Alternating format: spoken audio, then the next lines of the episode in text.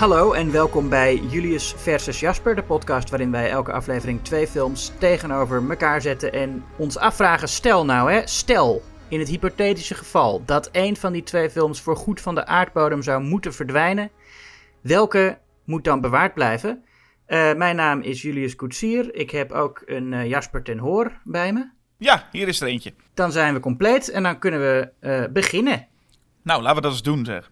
Ja, en dan hebben we het vandaag over twee horrorfilms uit 2014. Twee films die toen uh, allebei uh, uh, heel erg besproken worden als, als, als the next big thing in horror. Namelijk The Babadook en It Follows. Ja, ik wou al bijna zeggen, we gaan het over vrij nieuwe horrorfilms hebben. Maar dat is, ik weet niet of dat nou... Wanneer mag je spreken van een nieuwe horrorfilm of een oude? Oeh.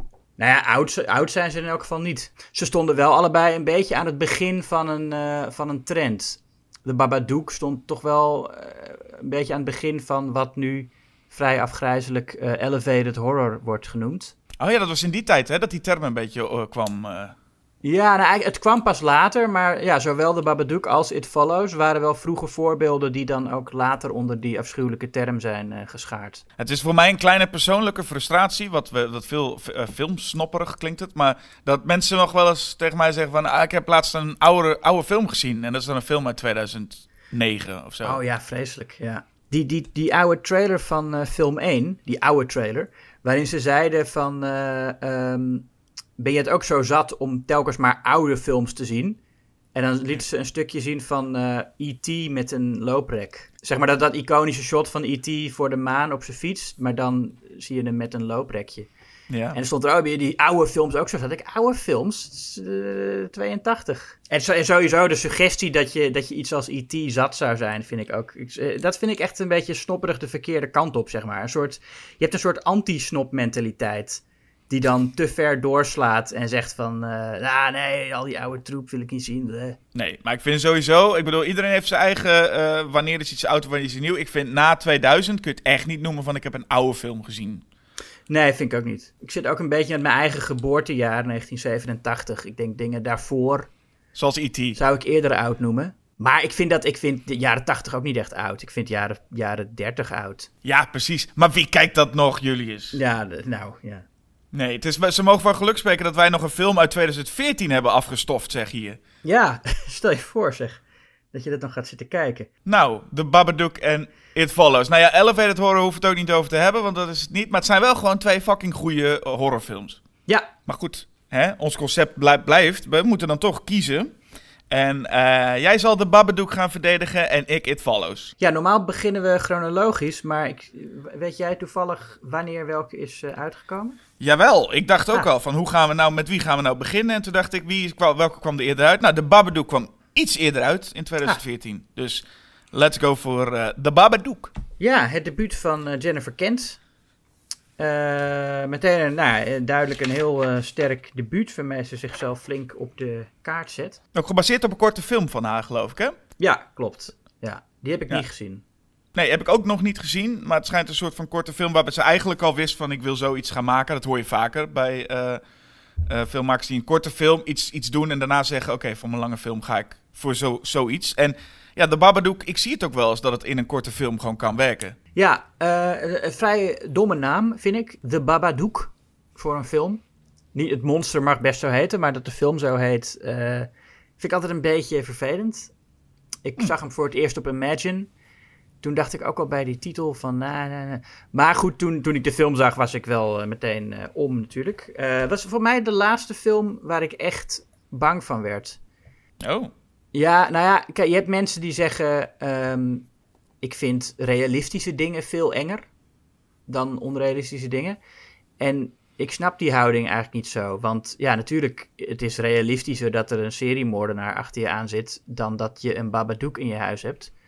Maar ik ben uh, in mijn dagelijks leven helemaal niet meer bezig met de mogelijkheid van een seriemoordenaar. dan ik bezig ben met de mogelijkheid van een Babadook of een Jason of zo. Ja, eh, weet je Dus voor mij is of iets realistisch is, maakt niet dat het een grotere rol speelt in mijn, uh, in mijn dagelijks leven. En sowieso ben ik, als ik een film kijk, zit ik gewoon in die film. En, en accepteer ik, als de film goed is, accepteer ik gewoon wat daarin gebeurt.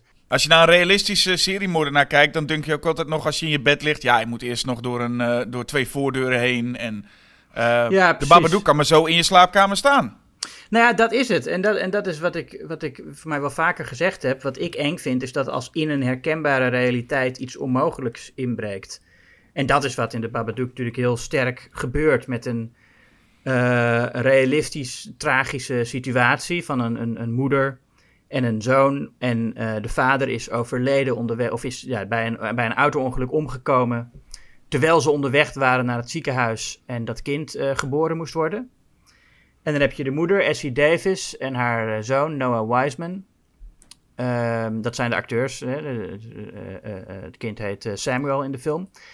Nou, dat, en je, ziet aan het begin dat dat gewoon geen gemakkelijke relatie is die ze hebben. Ik wil zeggen, je kunt wel zeggen van de, de Babadook, ik, ik, ik eh, vind het een enge film, want uh, ik vind de Babadook eng. Maar ik vind ook wel, als ik deze film kijk, vind ik het ook wel eng om de gedachte, je zou maar een kind hebben, zeg. Ja, je zal maar een kind hebben. En dat, ja, maar, maar eh, ja, en dan gaan we het misschien, daar gaan we het sowieso straks nog over hebben. Maar het is wel echt een, een heel natuurlijke en herkenbare, als tenminste herkenbaar in de zin van dat het eh, voorstelbaar menselijk gedrag is wat ze vertonen. Ja. En voor sommige mensen zal het echt herkenbaar zijn, maar ehm, een heel natuurlijke situatie waarin opeens iets onmogelijks inbreekt. En uh, daarvoor heb je wel eerst nodig dat je echt goede acteurs hebt en sterke regie om die natuurlijke situatie overtuigend neer te zetten. Nou, en als we het alleen al over de, de moeder hebben. Ik denk, er is nog, de, ik, ik ken weinig actrices die zo perfect vermoeid, angstig of depressief kunnen kijken, zeg. Ja, ja het... Davis is echt fantastisch. In het openingsshot meteen al gaat ze door een enorme hoeveelheid emoties. Hè? Het is best een knap shot. Het begint met, met de suggestie dat ze in een auto zit. En dan heeft ze opeens heel fel licht in de gezicht. En dan valt ze zo omlaag op bed en is, was het een, een droom of een herinnering, weet je wel. Uh, maar is in één shot gedaan. Heel mooi. Ja, en dat valt sowieso ook op. Dat los van het is een beetje een, een, een, een tragere horrorfilm. Uh, uh, Verwacht geen groepen tieners of, of een gezin in een huisje waar allemaal enge dingen gebeuren. Het gaat voor een heel groot deel over een moeder met haar zoon. Um, en toch heeft Jennifer Kent ervoor gekozen om het eigenlijk een beetje ook iets snel en vaart te geven. Ik voel, het voelde een beetje als een hele artistieke Edgar Wright. Met allerlei ook montagetrucjes. Ja. En snelle cuts en zo die je niet verwacht bij een film die tegelijkertijd heel traag is en echt goed de tijd neemt. Ja, traag zou ik hem niet noemen, maar hij neemt wel de tijd, ja. Om, om echt eh, neer te zetten hoe die relatie is. Dan heb je ook wel, wel nodig dat je echt begint te voelen hoe vermoeiend zij is met, uh, met dat kind. Uh, want Samuel is natuurlijk een, uh, een vervelend kind. dat was iets wat heel veel mensen afstoten aan die film. Zeiden, oh, dat kind is zo irritant. Ik had het helemaal niet. Het, ik, snap, ik snap dat het kind irritant is voor de moeder. Maar en uh, om die reden gaat het je als kijker ook een beetje vermoeien. Maar niet op een manier die mij stoort. Nee, je mag het kind ook irritant vinden. Het is niet als dat je bijvoorbeeld een, een jeugdfilm kijkt als The Goonies of zo. Waarbij je denkt, ik vind dat kind irritant. Hier wordt het, wordt het kind ook neergezet als, ja, dit, dit kind mag je ook... Je mag ook moe worden van het kind, want dan voel je extra wat die moeder altijd voelt. Ja, precies. Dus en mensen die dat kind irritant vinden en daarom de film niet konden uitstaan, die, die snap ik niet zo. Zit ook al in een heel mooi stukje eigenlijk aan het begin van de film. Dat ze even in de, in de supermarkt staan.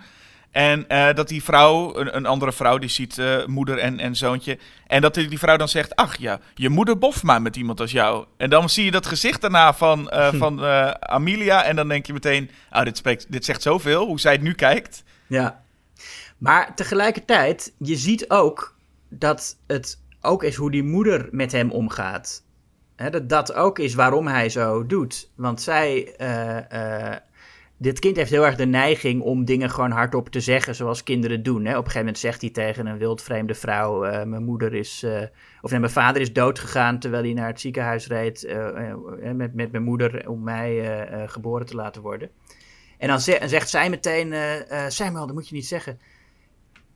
En je ziet echt dat zij hem heel erg ehm, probeert te, uh, uh, die neiging probeert te onderdrukken. Er wordt later nog wel een linkje gemaakt nadat zij, dat, dat, dat hij daarop lijkt op haar zijn vader eigenlijk, die ook zo, zo ja, was. Maar je ziet echt dat het kind dat het zo geworden is doordat zij echt op een, een behoorlijk ongezonde manier omgaat met zijn geroep om aandacht ook en, en, en zijn neiging om alles hardop te zeggen. Um, En dat is natuurlijk ook waar uiteindelijk die Babadook vandaan komt. die, die representeert het onverwerkte trauma en de rouw om de vader. Uh, Want die, die, die komt tevoorschijn in een boek dat opeens gevonden wordt. Ja, dat is ook wel mooi, want we, we zien eigenlijk al in het begin al meteen dat uh, Samuel een, een, nou ja, misschien zoals heel veel kinderen, maar gewoon een, een, wat bang kind is. Die moet altijd even voor het slapen gaan onder de kast, of onder het bed kijken, in de kast kijken of er monsters zijn. Ja. Dus een wat angstige jongen, waar zij ook echt dan, zo'n moeder, dat zie je ook iedere keer, dat, dat komt een paar keer terug, dat ze altijd even de, de tijd neemt om dat rieltje af te gaan. Van kijken of er ergens monsters zijn. Wat natuurlijk een mooi contrast is met als er echt een monster daadwerkelijk is en, en dat riedeltje verdwijnt. En eigenlijk ze, ze op een gegeven moment zoiets heeft van stel je niet aan of er is niks. En dan is daar inderdaad ineens het uh, mysterieuze prentenboek uh, De Babadook. Ja, heel fijn dat ze niet probeert een verklaring te vinden van waarom dat in die slaapkamer ligt opeens. Dat boek, dat is er gewoon. Ja, en dat is ook niet heel gek, toch? Het feit dat je ergens een boek kan hebben dat je denkt, hoe kom ik daar eigenlijk aan? Ik heb geen idee waarom ik dit heb. Maar ja. Nou, vooruit. Ja. ja. ja. En, uh, ja, en dan begint het toch, daar begint het wel echt spannend te worden, zonder dat er iets uh, gebeurt. En dat vind ik altijd wel knap als dat in films, als ze een bepaalde toon weten te creëren, waarbij je eigenlijk als er niks gebeurt, het gewoon nog steeds spannend is. Ja. En dat is vanaf deze introductie, ja, je weet het natuurlijk een beetje. Je weet wat voor film je gaat kijken, dus je weet dat het spannend wordt. Maar uh, het moest me, doet me heel erg denken aan, nou ja, de beste film waarschijnlijk wel van dit jaar, The Invisible Man. Waarbij uh, het op een gegeven moment, als je er eenmaal in zit, het, een, een, gewoon het filmen van een muur of een deur is eigenlijk al eng genoeg. Die hoeft niet eens open te gaan. Ja. Gewoon een deur en dat is al spannend genoeg. En dat zie je ook hier heel erg in dat donkere huis. Je, er is gewoon een verhaaltje voorgelezen, verder niks. en je zit toch al een beetje van, oh jee, en je weet helemaal niet waarom. Uh, ja, dat, dat huis is ook heel, inderdaad heel donker. En heel, het werd ook heel, heel, heel uh, grauw, een beetje, beetje, beetje dof belicht. En heel, ze hebben alleen maar grijze muren en, en, meubels in dat huis. Echt alles is een soort grijs, blauw, koud. Dus daardoor heb je meteen al een ontzettend nare, beklemmende sfeer in dat huis. Um, en dan dat boek inderdaad. Nou ja, daar staat in van er komt een, eh, een monster en hij gaat je pakken. En uh, hoe meer je hem ontkent, hoe sterker ik word, zegt hij. Zegt het monster. Um, en dat kind dat gaat dan dus geloven dat uh, de Babadook er echt is. En die begint de Babadook overal te zien. En wordt daardoor nog veel onmogelijker, waardoor ook familiebanden kapot gaan. Hè? Hij mag niet meer bij de, bij de zus, bij, bij zijn tante langskomen. Mm Omdat hij daar uh, op dat feestje uh, Babadooks heeft gezien en, en, en, en zijn nichtje uit, het, uit de boomhut heeft geduwd omdat zij tegen hem zei dat niemand, dat iedereen hem vervelend vond. Ja, en je kunt nog een beetje als kijker denken van, hè, je blijft nog steeds twijfelen, is het, is het wel de Babadook? Is die er wel? Dat, dat is een tijdje dat je nog daar in ieder geval aan kan twijfelen. Het is niet meteen, ja, het is een monster en het kindje is de enige die het weet. Maar mm. je, de, de, het zou je in, in een bepaald stadium nog niet verbazen of het ook gewoon kan zijn dat... Um, ja, dat je ook niet zeker weet wat de Babadook veroorzaakt. Of het überhaupt wel echt is. Op een gegeven moment krijgt het zoontje ook een toeval. Waarbij je ook denkt, ja, is, is er nou iets wat een, een Babadook kan doen? We weten er niks van. We weten niks van de krachten die zo'n wezen, als die er al is, zou hebben. Hmm. Dus je gaat je ook aan alles ga je twijfelen. Want ik zorgt een Babadook ervoor dat een kind een toeval krijgt. Geen idee. Nee. Nee, dat weet je nog steeds niet. Nee, en, en, en het is inderdaad zo dat, dat, dat Samuel steeds echt nou ja, opvalt en, en niet tussen past. Maar het is ook wel heel mooi dat als ze naar het feest gaan, we ook zien dat uh, Amelia er eigenlijk helemaal niet tussen past. Tussen al die, die kakdames die praten over hun uh, rijke mm, echtgenoten en dat soort dingen. Ja. En hun eerste wereldprobleem eigenlijk. En dat zie je ook heel erg dat Amelia er sowieso ook... Ook Amelia past eigenlijk niet tussen. Nee, ja, omdat zij natuurlijk ook uh, uh, op dat moment uh, vrij kapot is. En, ze gaat ook op een gegeven moment naar, naar, de dokter. En dan krijg je ook wel. Het is heel mooi hoe je aan de ene kant ziet wat zij allemaal fout doet, eigenlijk in haar opvoeding van Samuel. En dat ze hem telkens de verkeerde soort aandacht geeft. maar dat je toch met haar meeleeft als ze daar bij die dokter zit en vraagt of de dokter niet misschien slaappillen heeft voor haar en dat kind. Ja. Voor dat kind dan vooral. En, en je voelt dat die dokter een beetje twijfelachtig is van... Uh, ja, weet je, slaappillen is wel heel heftig. Uh, de, de, meeste moeders uh, willen dat liever niet. En toch denk je van, ja, geef nou maar, want ik, de, hij, hij, moet echt een keer slapen. Ja, maar zulke scènes ook. Ik doe mij echt denken dat je, dat je, als, je als je dit kijkt en je hebt thuis weliswaar misschien een problematisch kind of je, je, je herkent dit, zo'n scène. Ik denk echt dat die denken van ja, kan mij dat hele enge zwarte mannetje schelen, dat boeit me helemaal niks. Maar dit is doodeng. Het, het, dit is een klap in het gezicht. Zo, zoals je bij die dokter zit. Dat is, dat is volgens mij vrij realistisch hoe, dat, hoe je als moeder uh, of als alleenstaande ouder uh, er helemaal aan onderdoor kan gaan. Ja, de, de machteloosheid van dat je hele leven in het teken staat van dat kind. En dat zie je ook al in hun aanrakingen. Als, als Samuel haar te stevig knuffelt, dat ze dan ook zegt: uh, doe, doe, dat niet. En je ziet ook de hele tijd hoe hij zo aan haar zit. Als ze in bed, hij, hij, slaapt heel vaak in haar bed. En dan zie je hem ook met zijn handen in, in, in haar nek en zo. Ja. En je krijgt ook een beetje het gevoel inderdaad van, eh, blijf van me af, ik wil gewoon even, even alleen zijn. Nou ja, zoals in de, de, de enige scène waar ze dan besluit iets voor zichzelf te gaan doen, is als ze de vibrator pakt. Mm En zelfs dan, dan ligt ze daar te masturberen en dan komt het kind binnen. Er is ook een moment dat ze inderdaad helemaal op hem tekeer gaat.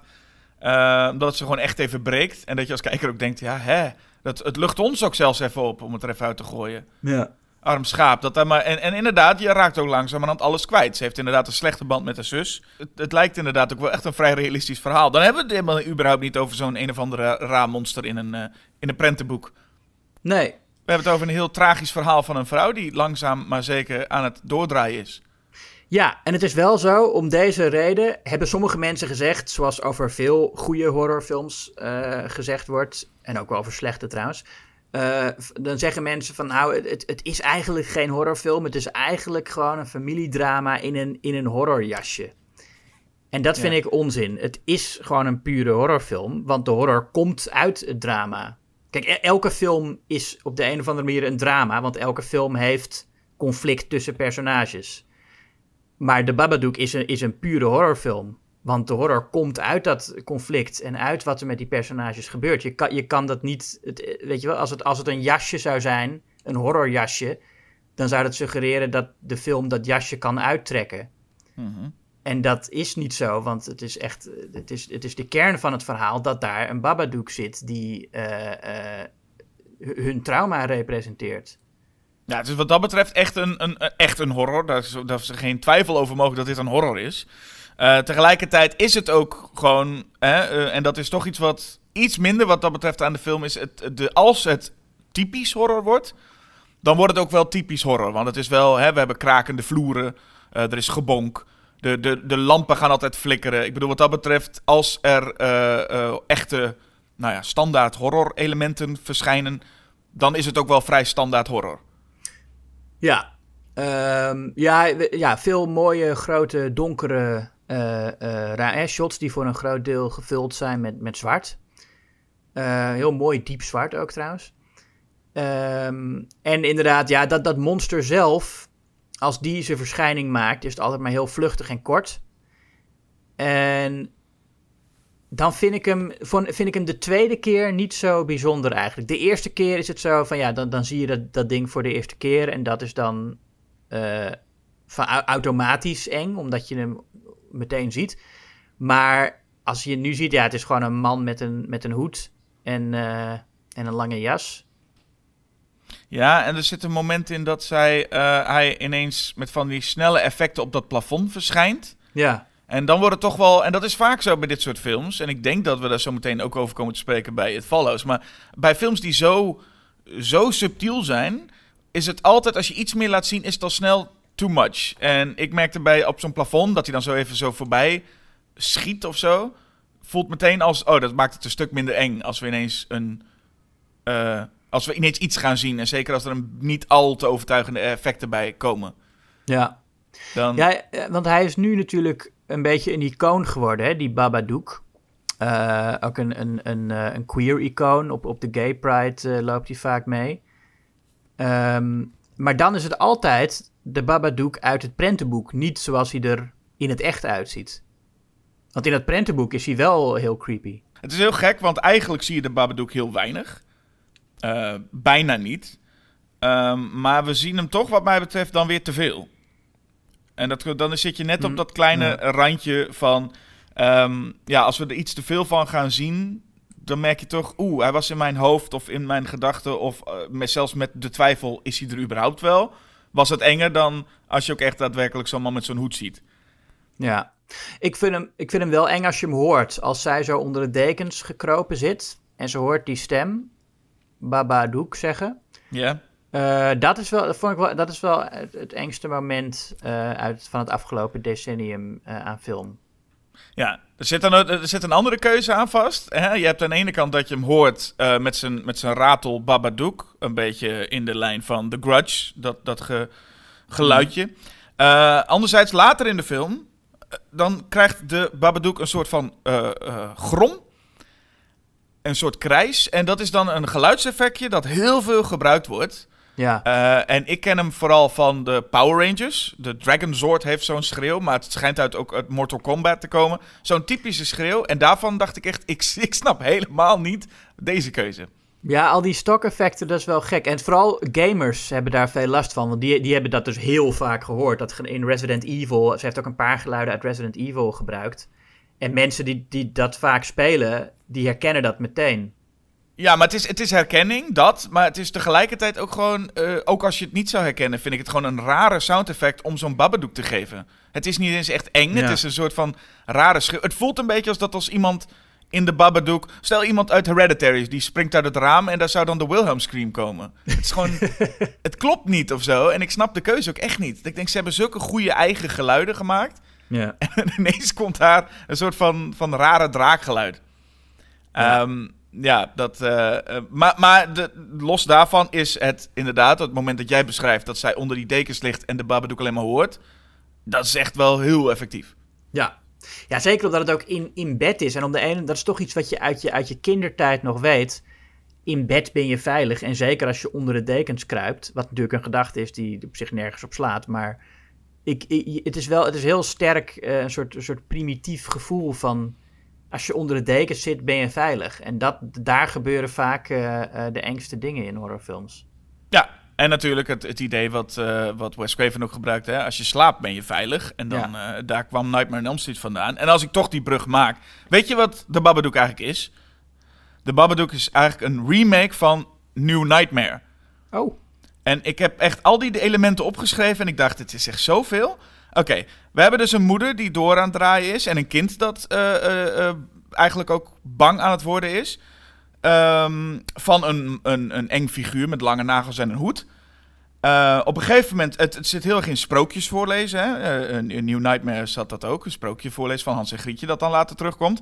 Ze wordt gestalkt, er komen dingen aan de deur worden bezorgd, maar ze krijgt ook telefoontjes van een, iemand die dan nou, in dit geval, de ene zegt Babadook, de ander zegt uh, One, Two, Fred is coming for you. Het, de scène waar het kind op een speeltoestel staat in de hoogte, terwijl zij aan het praten is, de moeder op het bankje. Ja, god. Is letterlijk. De, de, de, dat kind krijgt ook een toeval in New Nightmare. Uh, er zitten op een gegeven moment scheuren in de muur. Dat, dat is bij uh, in New Nightmare zo. En in, een kind moet slaappillen nemen. Neemt, neemt die slaappillen dan niet. Uh, en het einde zitten ze arm in arm bij elkaar uh, uh, als het gevaar klaar is. Ik dacht echt, al die elementen, jongen, dat is allemaal New Nightmare. Vond ik een ja. hele bijzondere. Niet te geloven, ja. Nou ja, gelukkig eindigt de Babadook niet met dat de Babadook met, met zijn tong probeert dat kind vast te houden. nee, wat dat betreft een stuk subtieler inderdaad. Maar het, nee. ik vond de, de, de, de overeenkomsten wel zo bijzonder. Dat ik denk, ja, nou, nee, hebt gelijk, ja. Daarvan, uh, daarvan akte. Een andere overeenkomst, veel minder subtiel, maar wat ik wel heel uh, goed vind, is het Michael Myers effect. Dat uh, de moeder even naar buiten kijkt en dan de buurvrouw ziet zitten en op de achtergrond staat de Babadook. En geen geluidseffect, ja. geen schrikeffect, maar hij staat daar. Toen dacht ik, bam, dit is, dit, dit, daar hou ik van. Zoiets. Dat is gewoon echt even, je kunt hem missen.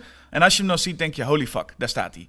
Ja, ja, dat is, dat is wel. Ik bedoel, even dat geluidseffectje waar we het net over hadden, uh, daar gelaten. Dit zijn wel van die momenten dat je denkt: oké, Jennifer Kent weet echt hoe, je, uh, hoe ze je de stuip op het lijf moet jagen. Ja, en trouwens, iets over, om over, op, nog even op de geluiden terug te komen. Iets positiefs is dat zeker vroeg in de film. Staan al die geluiden, hoor je heel hard. Staan heel hard in de mix. En als dat kind dan dingen aan het bouwen is, want hij maakt de hele tijd amateurwapens hè, en vallen en zo. Mm -hmm. um, en het komt allemaal heel hard binnen, al die geluiden. Uh, de, en dat is ook, ja, dat, dat, de, zo zit je al meteen in die sfeer van iemand die heel vermoeid is en gestrest is. Dan komt ook elk geluid keihard binnen. Ja. Ja, en je gaat ook echt met die moeder mee uh, uh, in, in haar gedachten. Je wordt er zelf ook gewoon een beetje na van om Ja. te zien. En op een gegeven moment zit zij met haar kleren aan in bad. En dat is echt zo'n typisch beeld van, ik weet het ook allemaal niet meer. En eh, dan voel je dat gewoon heel sterk. Ze gaat niet meer naar het werk toe. Eh, ze lijkt alles kwijt te raken. En eh, ja, dat, dat, dan wil je nog wel eens vergeten dat er ook eigenlijk een een of ander prentenboekmonster achter je aan zit. Ja. Maar dat vergeten we niet, want hij komt er wel. En hij weet haar uiteindelijk zo door te draaien dat ze zelf van plan is haar kind te vermoorden. Ja, dat begint eigenlijk al bij een visioen. Wat betreft, eh, ze krijgt visioenen en een nieuwsitem die ik ook heel sterk vond qua scare. Ja, Een, een, een nieuwsitem over een jongen die is eh, vermoord op zijn verjaardag. En dan kijkt ze in het raam, en, een- of, of in ieder geval in de, op, op televisie zie je het raam. En daar ziet ze zichzelf zitten, geloof Ja. ik. Nogal vreemd lachend kijken. En dat, ze- daarin merkte ik nogmaals, wat ik net ook al zei, dat alle scares die zonder sound effect, die werken echt heel erg goed. Ja. De scares met geluidseffecten werken iets minder goed, eh, heb ik wel het gevoel. Maar dat waren van die momenten. En dan weet je ook, want dat vraag je ook bij deze film een beetje af, gaandeweg, als je hem voor de eerste keer ziet. Hoe gaat dat in hemelsnaam aflopen? Wat gaat er gebeuren? Gaat het, welke kant gaat het op? En ik had niet Mhm. verwacht dat het een soort van bijna exorcism-achtige kant op zou gaan. dat zij eh, bezeten zou worden. Ja, het, soort, Nee. het doet ook wel een beetje denken aan en Hereditary, dat einde. Zo'n zo'n moeder die Ja. zwevend, eh, zwe- zwevend op, op haar zoontje afkomt. Ja, nou in, in dit geval is het, is het natuurlijk eh, ja, ook iets wat zou, wat zou kunnen gebeuren als je hier, al, al, al- als die situatie te ver gaat, weet je wel. Als je, als je zo lang met een soort onverwerkt trauma zit en met je, met, met je kind, eh, ehm, dat je eigenlijk heel veel kwalijk neemt. Als, als dat te lang doorgaat, dan kan dat in het extreme geval de eh, op, zo'n manier eh, eindigen. Eh, wat ik dan heel goed vind, is dat Samuel op dat moment ehm, heel slim blijkt. We wisten al dat hij goed was in wapens bouwen.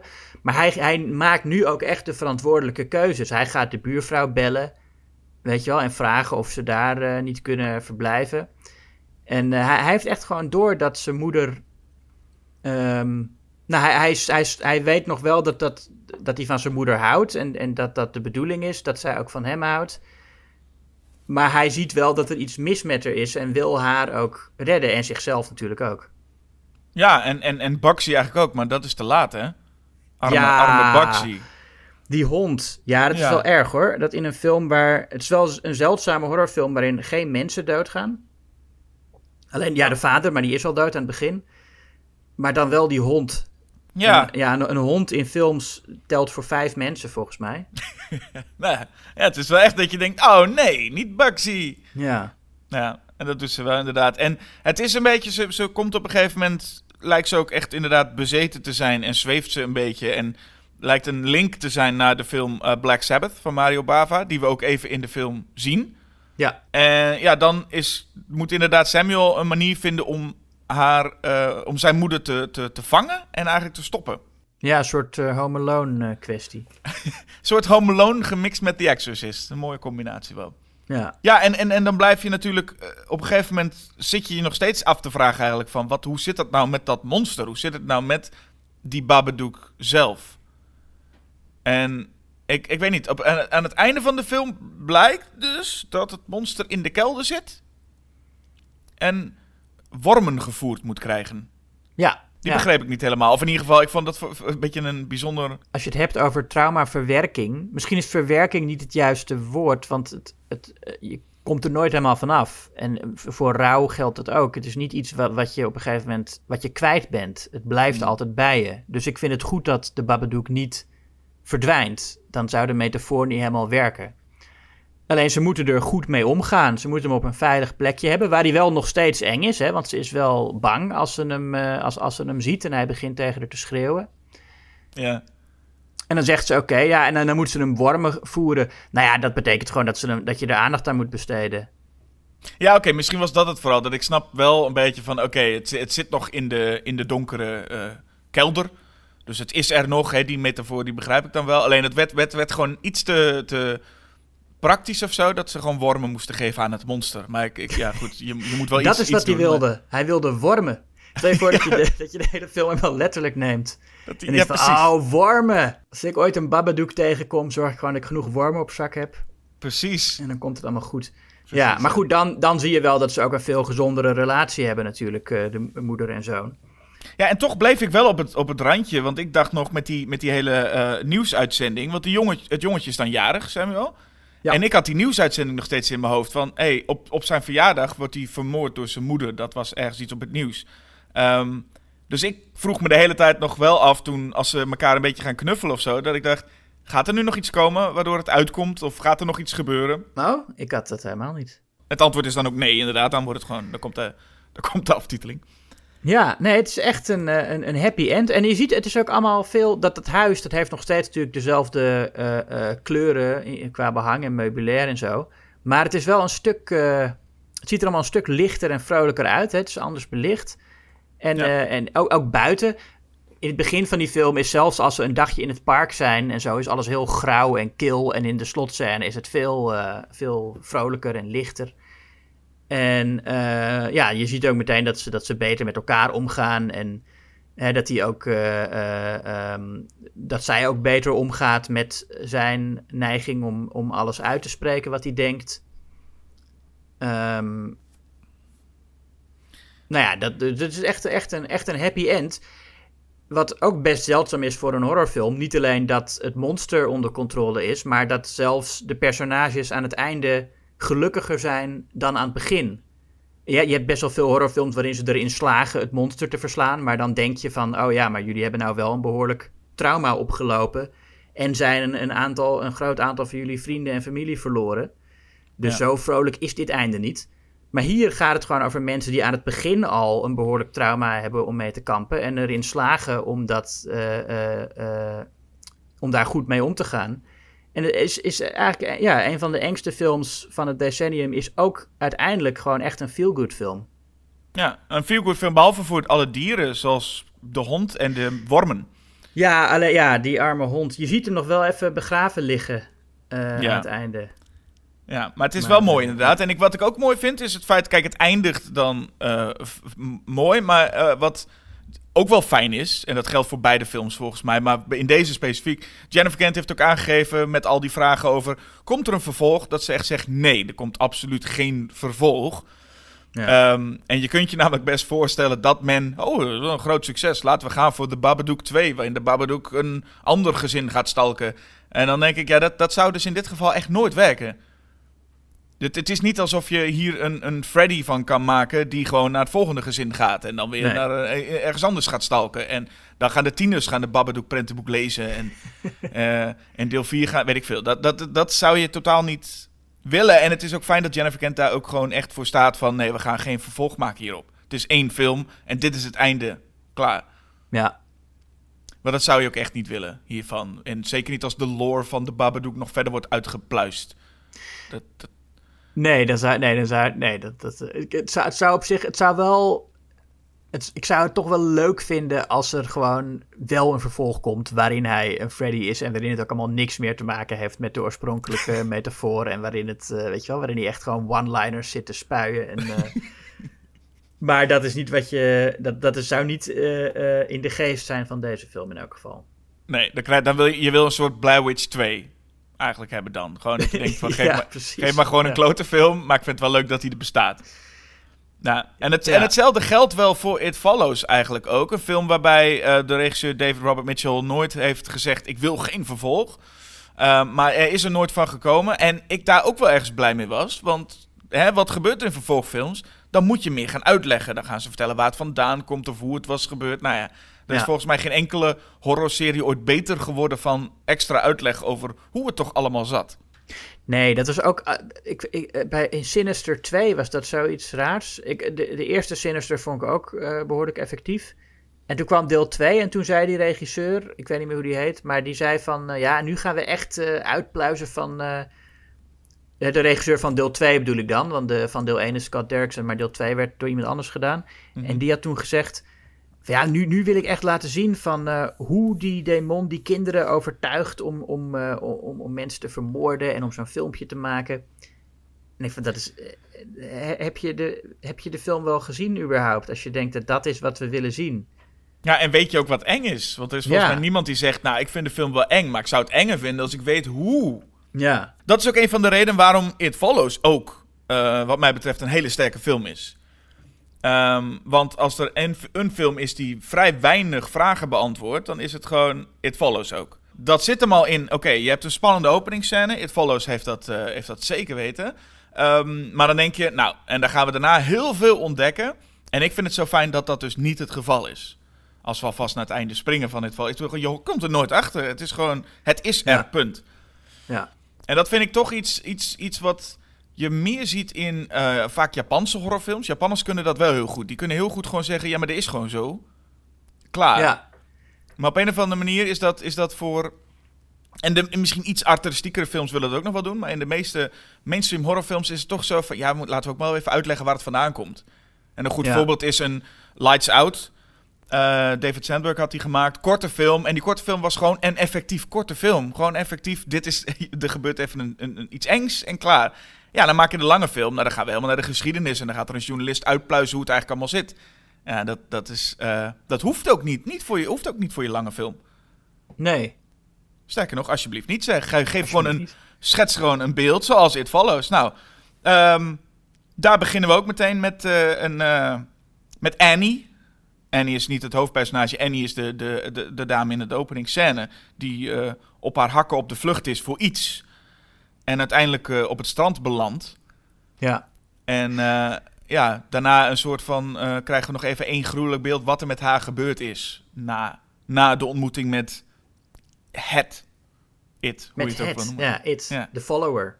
Met de follower. it follows. Met, Ehm, met de It Follows. Ja. ja.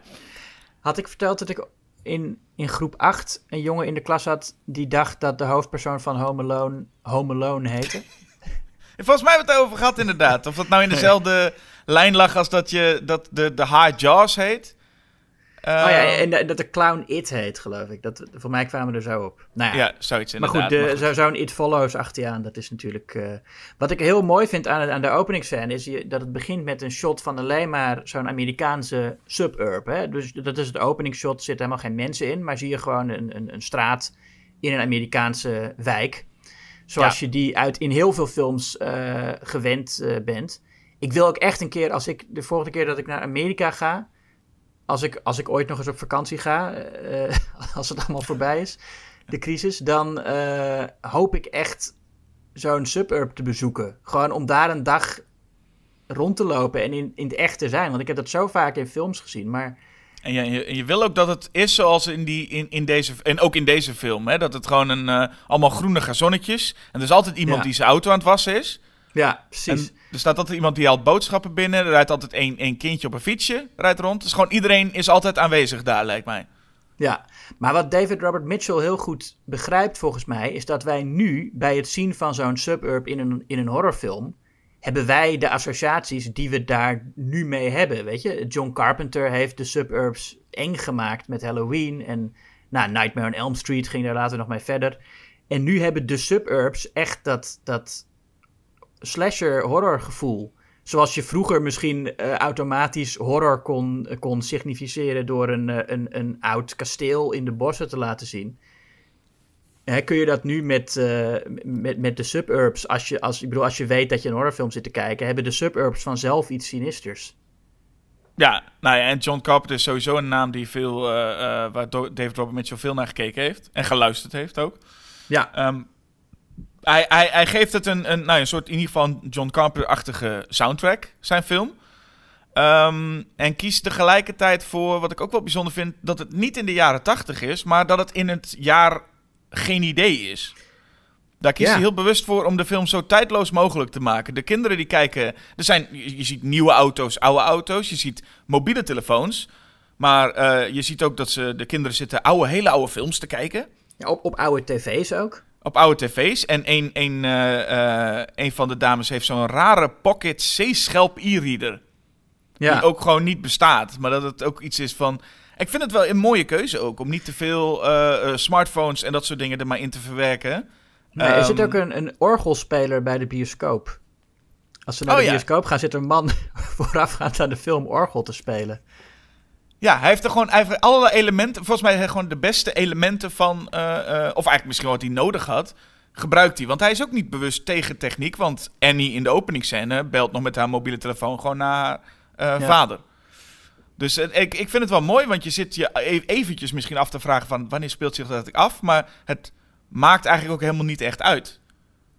Nee. En dat doet, doet me een beetje denken aan Rob Zombie is ook zo'n man die dat dan doet. Alleen Rob Zombie doet het iets te eh, extreem vaak. Dat hij wil een, een film in deze tijd plaatsvinden. Maar je zit echt door de helft van de film dacht je, is dit jaren zeventig? Maar dan blijkt het ook gewoon nu nog te zijn. Maar hij vindt dat alle tieners zijn, eh, zijn zoals hij was vroeger.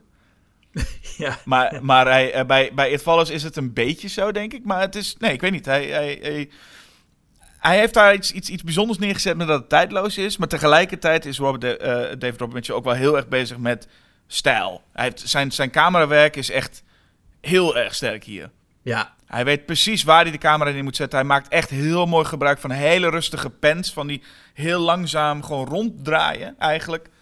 Eh, om iets in beeld te krijgen. Ja, dat, eh, dat, is wel, dat, dat is zelfs wat John Carpenter nog niet helemaal gelukt is. Bijna, zou ik zeggen. Of in ieder geval, het zou de next step zijn van een John Carpenter. Ja, John Carpenter is meer een economische verteller. En David Robert Mitchell neemt wel echt de tijd om eh, gewoon even te laten zien hoe mooi iets kan zijn.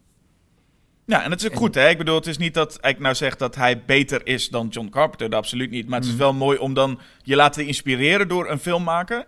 En dan ook een goede filmmaker, dat is nog wel fijn. En dan eh, wel plus één te doen. Dus iets toe te voegen. Dus niet letterlijk gewoon te zeggen, ik ga John Carpenter nadoen. Dan krijg je zo'n sfeertje. Maar ik vind wel dat hij echt iets toevoegt aan eh, die stijl. En denkt, oh, dit zou... Moet je je voorstellen dat John Carpenter dat element had kunnen gebruiken in Halloween... met dat ronddraaien in die suburbs. Ja, zeker. Ja. En dan, en dan komen we bij eh, Jay, ons hoofdpersoon. Eh, en ja, het verhaal is eigenlijk vrij simpel dan. Het verhaal is Jay eh, heeft seks. En als je seks hebt, want dat is it eigenlijk, it follows. eh, of hoe je het ook wil noemen. Het is een, een, een, een SOA. Ja. Heb seks en er komt iemand vervolgens achter je aan. En ja, dat is een heel interessant element. En we laten, laten we gewoon eens kijken hoe dat nou ontstaat is. Hè? Want we, we, Jay, nou, die heeft ook een vriendengroep. Komen we straks wel op, die vriendengroep. Eh, maar Jay heeft een date met eh Hugh, heet hij dan nog, maar hij heet eigenlijk Jeff. Ja. En eh, die gaan samen op date. En in de bioscoop ziet, eh, zijn ze zo'n spelletje aan het doen. Van wie eh eh, kies iemand uit met wie jij... De, en dan zoek ik die uit met wie je zou willen ruilen. Nou, dan Ja. wijst Jeff naar een, eh, een meisje in een geel jurkje. En Jay ziet diegene niet. En dan denkt Jeff, oh kut. En dat doet mij denken aan het feit dat Jeff, want die is de hele verder rest van daarvoor is hij de hele tijd nog best relaxed, dat Jeff volgens mij dacht dat het voorbij is. Zijn vloek. Ja, die indruk krijg je inderdaad wel. Want als je hem later in de film weer ziet, dan is hij voortdurend op zijn hoede en zegt hij bij iedereen: eh, zien, zien jullie die ook? Of nou, bij iedereen. Hij ziet een keer een meisje en dan roept hij meteen: Zien jullie haar ook? En ik denk dan van: Nou, als je, als je zo bent, dan ga je niet naar een bioscoop of een plek waar het druk is. Weet Nee, en hij lijkt ook echt te, te, te schrikken van het feit dat het meisje in de gele jurk, eh, eh, dat, hij niet, dat Jay niet ziet. En dat doet mij denken, we, we horen het nooit, maar dat doet mij denken aan dat Jeff misschien, eh, het wordt nooit gezegd, maar dat Jeff misschien met Annie uit de openingsscène heeft, seks heeft gehad. Ah, en ja. dat hij daar misschien mee dacht van, het is voorbij, nu is Annie dood. En, zoals de vloek werkt, als degene dood is die, aan wie jij het gegeven hebt, komt het weer terug bij jou. Ja. En ja, misschien was Jeff er wel gewoon, weet je wel, echt een, een jaar vanaf of zo. Omdat het zo vaak doorgegeven is aan verschillende mensen. En dat Ja. ze nu allemaal dood zijn. Ja, en ik vind dat zelf een van de sterkste elementen aan dit. Ik vind sowieso het concept heel sterk wat dat betreft. Hoe het, hoe het wordt doorgegeven. Je hebt wel vaker films met een vloek. Maar dit is echt een vloek die bij jou zit. Alleen bij jou. En je kan hem doorgeven. Maar ook als je hem doorgeeft. Dat zi- zien we dan vervolgens aan Jeff ook. Als je hem doorgeeft, ben je, ben je niet veilig. Je, hoeft niet, je kunt niet lekker achterover leunen. Ja. Nee, ik zit, ik, je zit echt heel erg te denken van wat zou ik doen? Dat is echt de vraag die de film eh, direct bij je neerlegt. Wat zou jij doen in deze situatie? En wat zou je doen en wat, eh, nou, ja, hoe werkt het is sowieso natuurlijk een, een vraag. De David Rob Mitchell is ook gevraagd van, hè, hoe werkt het met seks met tussen twee vrouwen of twee mannen? Nou, dat Hij zei dat het ook gewoon eh, werkte. Dus oh ja, want het is echt. nee, maar je gaat toch vragen stellen, toch? Want hij wil, Ja, die wil ook maar waarom weten. zou, hij, waarom zou je dat aan hem vragen? En zou hij dan het antwoord bedacht. geven van... Ja, maar ja, hij heeft het bedacht, maar hij heeft het ook hij heeft het laten zien. En hij heeft verteld wat hij heeft willen vertellen. Mhm. En nou, hij mag nou niet opeens nog meer erbij vertellen. Nee, De, de, ik maar bedoel, ja, de film is afgelopen, dat is het verhaal. Dus je moet nou niet aan de regisseur gaan vragen van... Ja, maar dit en dat, dat... eh, Nee, het is gewoon, het is klaar. Hij heeft het verteld. Je mag nu zelf bedenken wat er nog meer is. nee, dat is ook wel. Maar je moet wel regels hebben. Ik bedoel, je moet wel, als je zeker met Ja, dit soort zeker. dingen, als, je, als, jij, als jij je afvraagt, wat zou jij doen? Nou, ik, ik, zou, ik zou in elk geval zorgen dat ik, op de ene, dat ik heel veel eh, eh, kan reizen. Want ik moet, ik moet ergens naartoe. Ik moet in elk, in elk geval ver weg zijn. Ja, dan zit je nu al in een eh, probleem hè, aan, aan- in coronatijd. Ja, dat, precies, Dat, dat, zou, ja. dat, zou, dat zou kut zijn als je nu met eh, It Follows had. Nee, ik zou denk ik gewoon snel een, een, een vliegtuig hopen te regelen en dan in een ander land blijven. Over, over nou ja, want het- ja, het- ik weet niet of, of dat ding dan ook slim genoeg is om te weten dat het ook een vliegtuig kan nemen. Ja? Of, of dat hij dan gewoon, weet je wel, door de oceaan gaat lopen. Ja, of op een boot. Dat kan misschien ook wel. Maar ja, ik zou, nee, ik, zou, ik zou hem ook gewoon proberen op te sluiten. Dat, is eigenlijk, dat zou ik doen. Ik zou een situatie proberen te creëren waarin hij in een, in een, in een, eh, eh, een, soort, ja, in een soort kast of zo komt te zitten. en die we dan gewoon goed dichttimmeren en, en in zee gooien. Dus even, jij, want jij denkt als, aan dat soort dingen. Dus jij zou geen seks hebben om het door te geven eigenlijk. Nou ja, dan geef je het door. Maar ja, dan, dan zit die andere persoon ermee. En ik vind dat je dan wel de verantwoordelijkheid hebt om die persoon dat in elk geval te vertellen. Ja. Eh, en dan, en dan heb, maar dan heb je samen het probleem, weet je wel? Ja, want dat is een beetje de kwestie die hij nu krijgt. Je- Jeff eh, geeft het door aan eh, Jay, dus ons hoofdpersonage. En je Ja. vraagt je een beetje af, is hij nou echt een, een klootzak om dat te doen? Want hij legt daar volgens wel de regels uit. En natuurlijk is hij een egoïst om het door te geven ergens. Maar hij, ehm, en hij, doet ook, hij pakt ook niet alles heel subtiel aan, want hij legt het daar uit en vervolgens gooit hij er uit de auto zonder met, met haar BH alleen nog aan en zo. Dat je denkt, nou... Nou, en no- nog vastgebonden ook. ja, Dat denk ik dat van, je meteen denkt van, nou, nou heb je de politie achter je aan. Dat is ook niet heel handig als je, als je straks in een cel zit en er komt een, een It Follows binnen. Nee, precies. Dus dat doet hij niet helemaal. Maar hij vertelt het haar wel. Eh, en, en dat is natuurlijk het, het, het ding. Je moet het wel diegene vertellen, want anders heb je er heb je er helemaal geen hol aan. Dan is het zo weer terug. Ja. Ehm, maar je zou eigenlijk toch, als je het zo bedenkt, je zou eigenlijk een orgie moeten hebben, denk ik. Nou ja, wat in elk geval het voordeel is, is dat je ze dan allemaal kunt zien. Want ook als hij niet meer achter jou aan zit, kun je hem nog wel zien. Ja. En dat zei, geloof ik, eh, eh, Quentin Tarantino, die ook die het een goede film vond, maar er wel heel, had, heel wat had aan te merken op de regels. In een, in een interview met ik weet niet meer welk tijdschrift. Ja. Toen zei hij van, als, als zij nou gewoon seks heeft met die nerd die dat duidelijk wil, dan, Mhm. en zij heeft daar ook geen bezwaar tegen, eh, dan kunnen ze in elk geval allebei het monster zien. En dan heb je dus niet dat ze zoals aan het einde, om even naar het einde te springen, dat hij met zijn pistool staat van eh, zeg waar het is, waar is het? ja, dat je eigenlijk iemand de kracht doorgeeft van eh, dat je hem ook kan zien. Ja.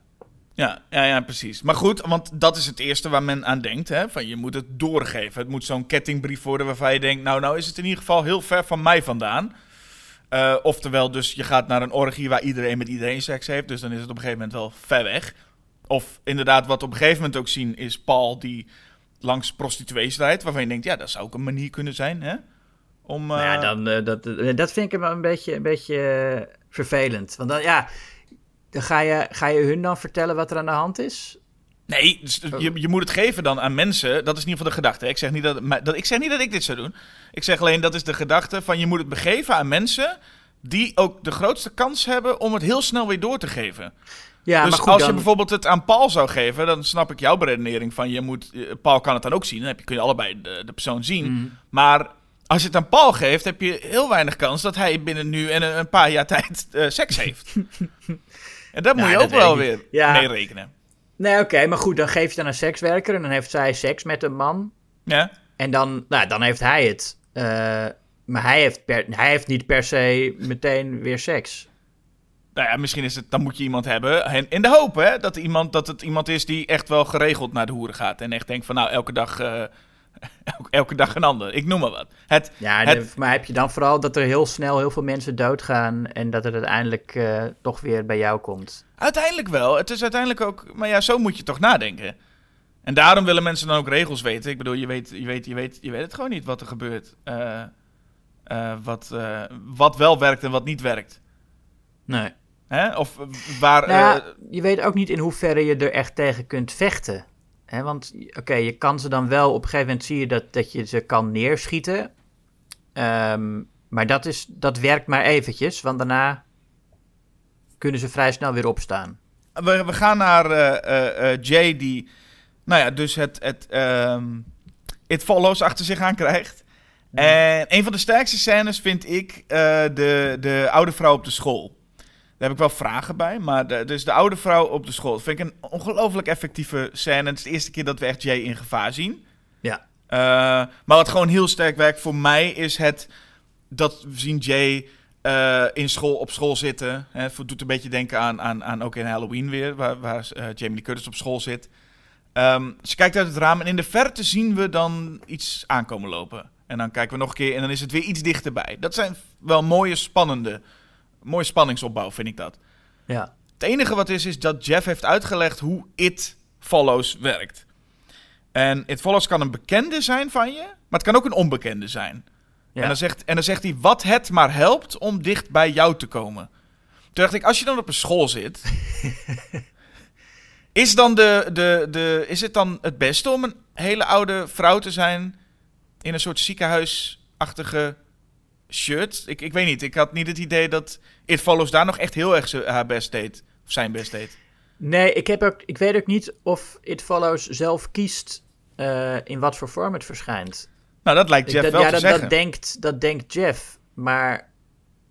Ja, dat, dat, ik bedoel, als dat zo zou zijn, dan zou het gewoon altijd als een bekende verschijnen, toch?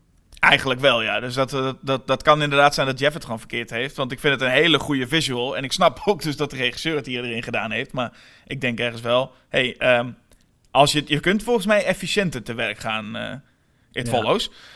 Maar uh, het, het, het, het levert hele sterke, enge scènes op. En wat natuurlijk ook heel, heel sterk is... is het feit dat um, alleen de hoofdpersoon het maar ziet. Waardoor je ja. ook uh, uiteindelijk vrienden hebt. Nou, het is leuk. We hebben een vriendengroep met onder andere Paul en de zus van Jay. En het is ook wel leuk dat je eigenlijk nu zo'n slasher vriendengroep bijna hebt. Alleen je hoeft helemaal niet te vrezen voor hun leven. Dat is ook wel bijzonder. Dat je gewoon een hele vriendengroep ja. hebt waarbij je gewoon weet van... Ja, zij, zij, hen gaat toch niks gebeuren. Nee. Het, zal, uh, het, zal, het, het, het is Jay. Um, en ook fijn dat ze haar wel vrij snel geloven. Vond ik ook heel fijn. Dat we niet dat hele lange, ellendige gebeuren kregen van... Uh, niemand gelooft me, ja, je bent gek. Nee, niks. Nee, het is ook ja, heel stom. De ouders doen er ook niet toe. en hier ja, letterlijk niet. Dat, dat valt hier nog wel meer op dan in uh, Halloween. Dat ja. de ouders, de afwezigheid van de ouders, maar dat is ook echt wel het punt volgens mij. Dat is niet, uh, in Halloween was het gewoon omdat dat handig was voor het verhaal dat ze er niet waren. Uh, hier is het wel echt een beetje een punt dat David Robert Mitchell wil maken. Dat die kinderen er alleen voor staan, omdat ze natuurlijk in een, in een fase zitten van volwassenwording en, en angst. En nou, alle, al, ja, alle puberangsten die je je misschien nog wel uh, zult herinneren. Um, daar kunnen ouders je ook niet echt bij helpen. Ik bedoel, nee. ze kunnen wel, nou goed, ze kunnen je natuurlijk wel een beetje helpen, maar niet. In de kern zit je toch echt, ben je op jezelf en je vrienden aangewezen, volgens mij. Ja, en je ziet ook dus dat, dat de, haar vrienden haar ook gewoon vrij snel serieus nemen. Zonder zelf echt nog iets meegemaakt te hebben, maar ze nemen haar gewoon serieus. En zelfs een, um, de overbuurjongen Greg, die komt uh, zelfs helpen, een beetje de coole dude. En uh, zelfs die komt helpen. En die zegt gewoon, yo, dan rijden we toch samen met z'n allen weg. Gaan we gewoon op zoek naar die ene Jeff. Ja. Nou, dat is gewoon, gewoon hoppakee. Niet te veel gezeik over van, ja, maar ik geloof je niet. Of uh, weet wat, gewoon meteen, nee, we gaan, we gaan je helpen. Hoppakee. Ja. Dat vind ik mooi. Vind ik fijn. Dat, werkt, dat maakt het verhaal ook wat lekker vlotter. Dat ze gewoon meteen, hoppakee, we gaan die zoektocht maar eens beginnen. Wat fijn is aan de film, ik bedoel, ik vind het al fijn dat dus je nooit safe bent. Dus ook als je, hè, dat zien we aan Jeff dan, als ze hem eenmaal gevonden hebben, wat je ook zegt. Hij heeft het op dat moment niet, maar hij blijft angstig. Je ziet dat aan zijn reactie. Hè? Hij blijft de hele tijd inderdaad op, zijn, op het puntje van zijn stoel van... oeh, uh, ik ben in gevaar. Dus dan weet je eigenlijk, je hebt eigenlijk geen leven als je het gehad hebt. Ja. En tegelijkertijd, wij als kijker zijn ook de hele tijd bezig. Want je bent de hele tijd bezig om naar de achtergrond ook te kijken. En dat vind ik ook heel slim. Het is een bijna soort van Where is Waldo-achtig. Dat je uh, gewoon naar de, de scène kijkt en op de achtergrond zie je wat mensen lopen. En dan denk je de hele tijd, zou dit? Is dat misschien iemand? Oeh, daar loopt ook iemand. Ja, je ziet wel vaak meteen wie het is. Aan de manier, ja, de manier waarop ze gecentreerd zijn in het beeld, hè, dat is vaak zo. Of, of gewoon aan, aan de lichaamstaal. Ja. Ja, een van de bekendere of betere scènes is ook het moment dat ze met z'n allen naar een, een plek aan het water gaan. Het is niet eens heel, heel slecht bedacht dat ze gewoon naar zo'n plek gaan, uh, ver weg aan het water. Ja. En dat we dan, dan zien we alle personages even zitten. Sommigen zitten, anderen lopen. Dan zien we een van die meisjes op de achtergrond. En dan denk je, oké, okay, ze heeft een beetje een gek loopje, maar oké, ze loopt daar wel. En vervolgens zien we datzelfde meisje ineens in beeld komen in het water.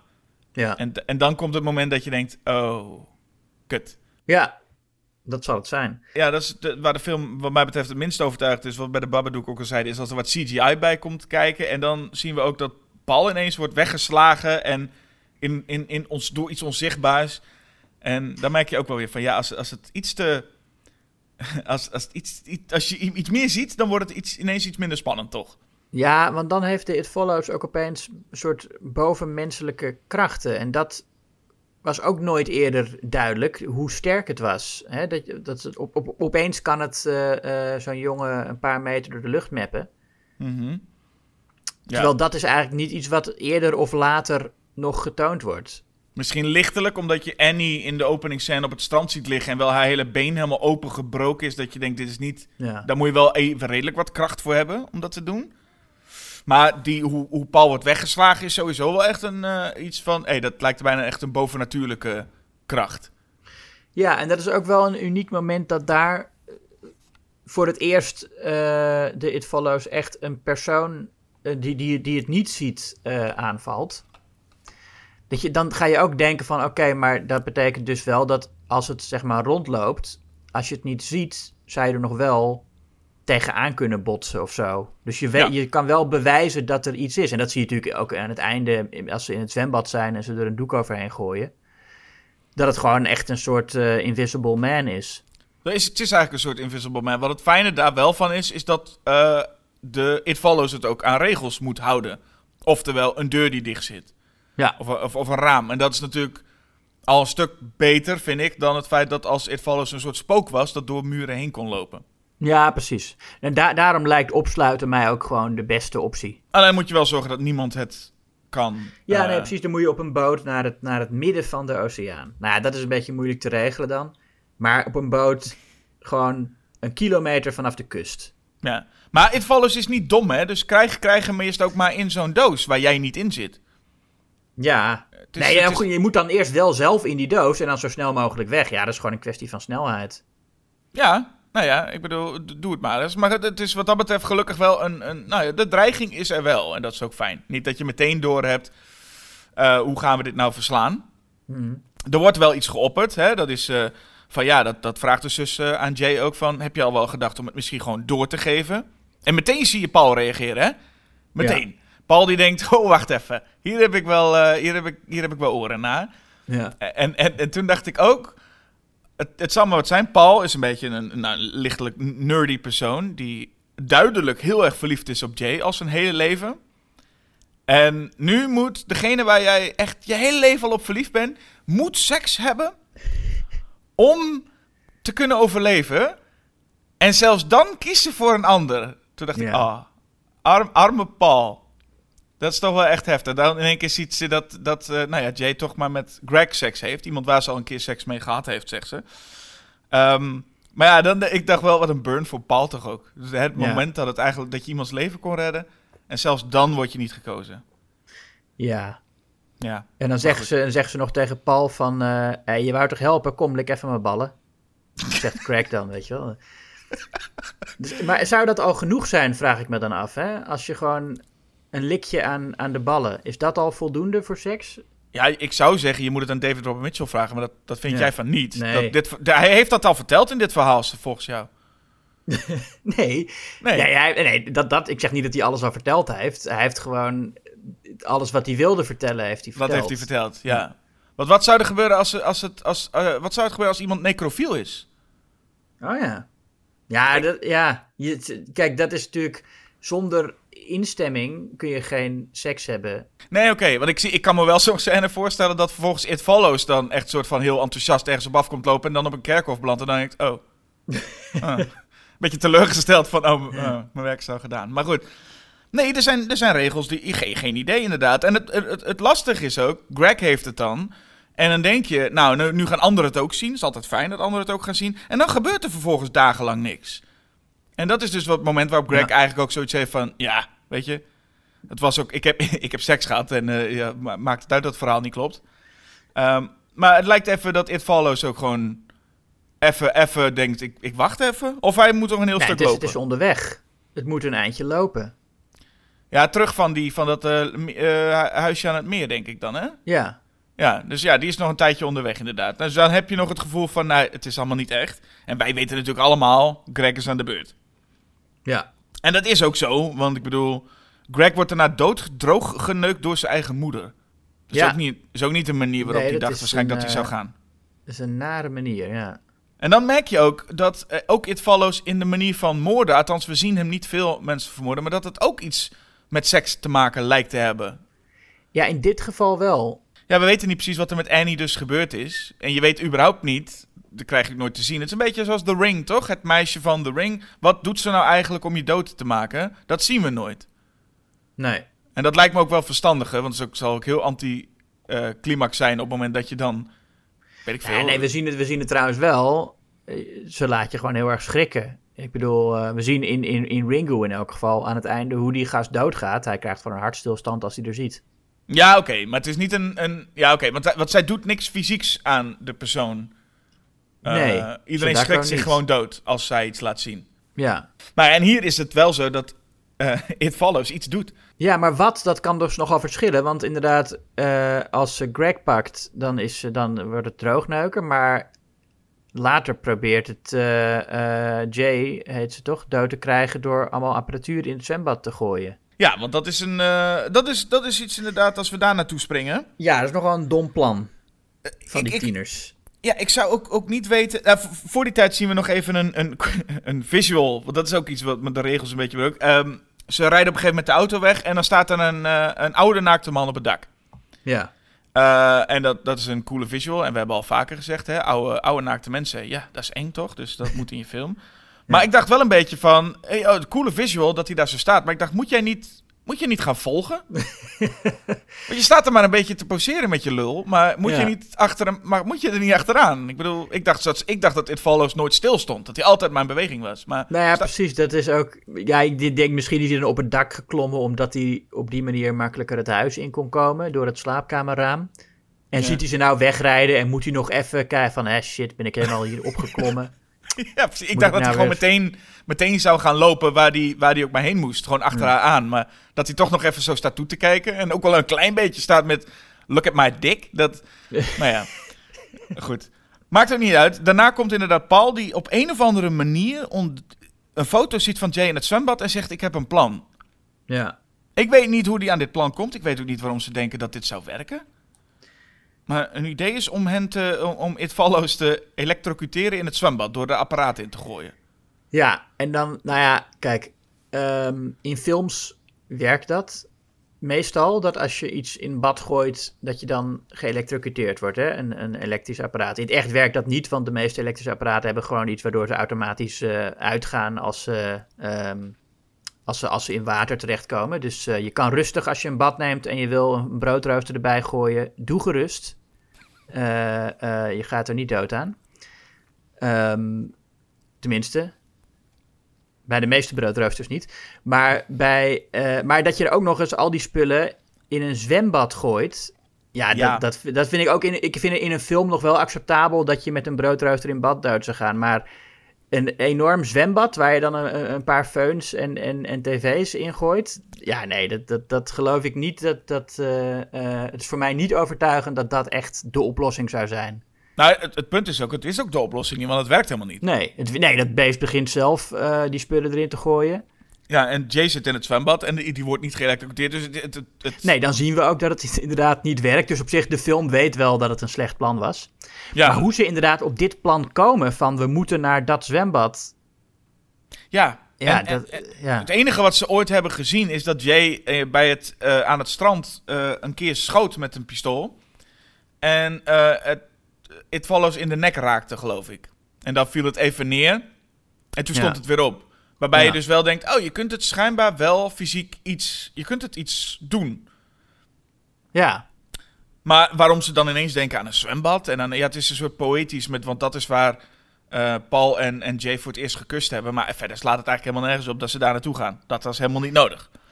Nee, nee, het is. eh, nee, inderdaad. Nou, het is wel, ik vond het wel fijn dat ze er naartoe lopen en dat ze dan. eh, want het zwembad is, is net buiten de eh, suburbs, hè? Of daar begint de stad een beetje.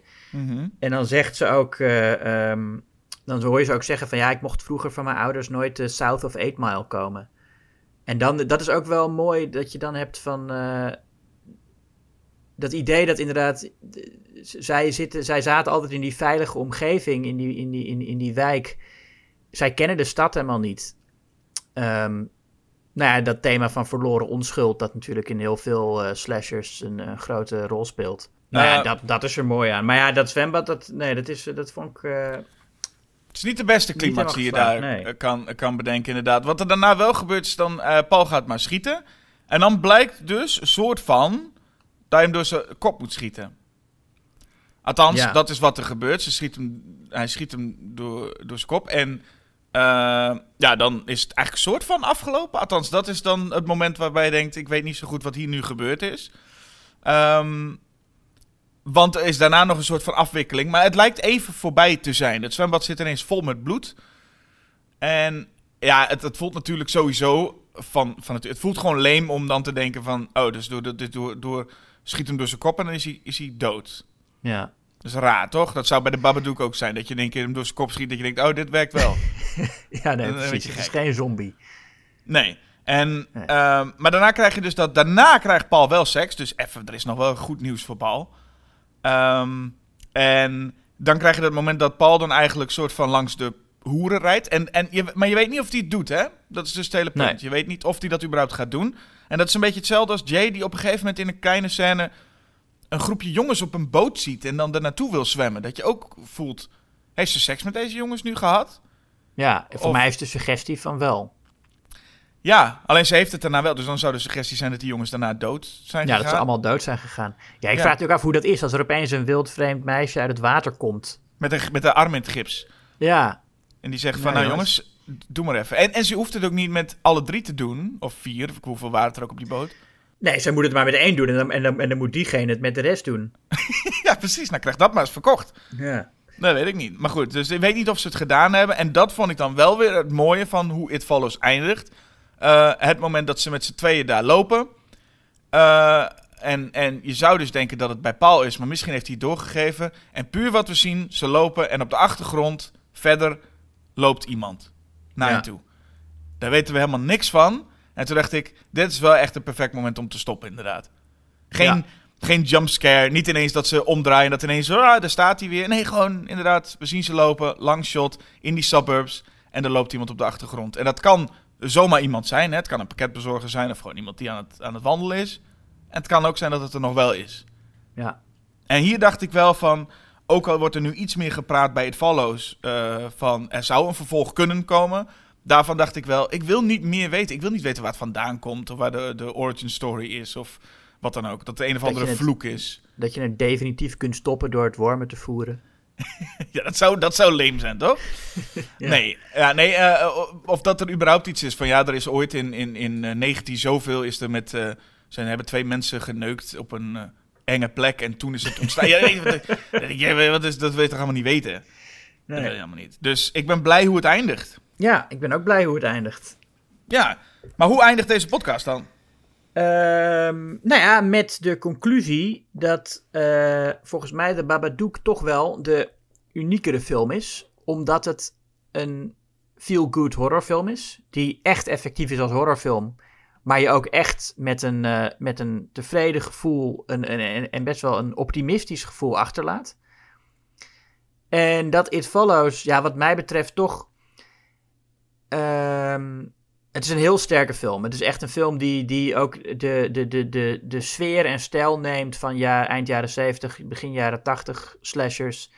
En die subtekst nog wat versterkt. En, en de angst voor volwassenwording, waar veel van die films over gaan, echt uh, met een heel sterke metafoor benadrukt. Maar die toch uiteindelijk zijn eigen mythologie niet helemaal onder controle heeft. En uh, ja, ik, ik vind die finale in dat zwembad. Dat, dat, dat werkt gewoon niet echt voor mij. Dus ja, uh, sterke film. Goede soundtrack ook van uh, Disaster Piece, moeten we nog even erbij zeggen. Die daar een soort update van inderdaad John Carpenter synthesizers geeft. Um, en heel, ja, stilistisch vrij perfect. Maar uiteindelijk toch de mindere film. Ja, nou van mijn kant hetzelfde idee. Twee hele sterke films. Jij noemt net dat de, de Babadook unieker is. Dat geloof ik ergens ook wel.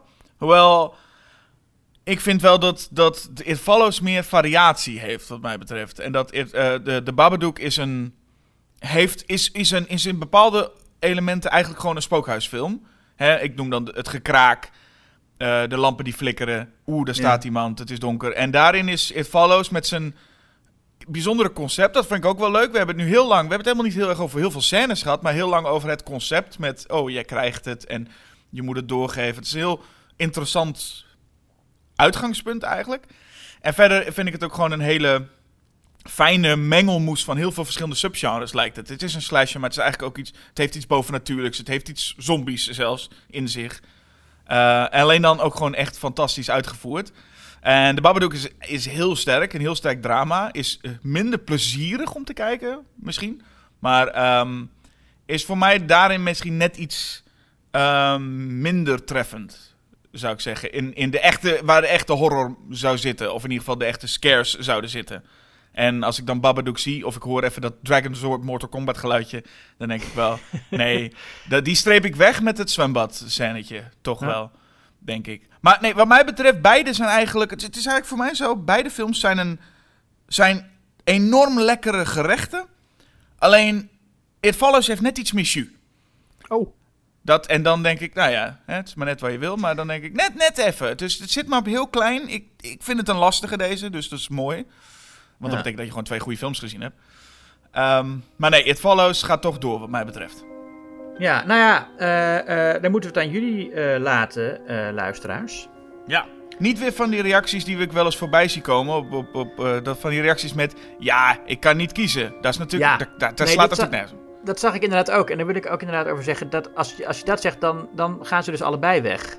Precies, dat hadden mensen nog niet door. Niet dat is de conclusie inderdaad. Ja, dus inderdaad, je moet er één kiezen. En nou ja, het is niet anders. Nee. Laat ons weten welke het wordt. En uh, ik zou zeggen, bedankt voor het luisteren en tot de volgende keer. Ja, hetzelfde. It's gonna follow you. Somebody gave it to me, and I passed it to you. It could look like someone you know, or it could be a stranger in a crowd. Help!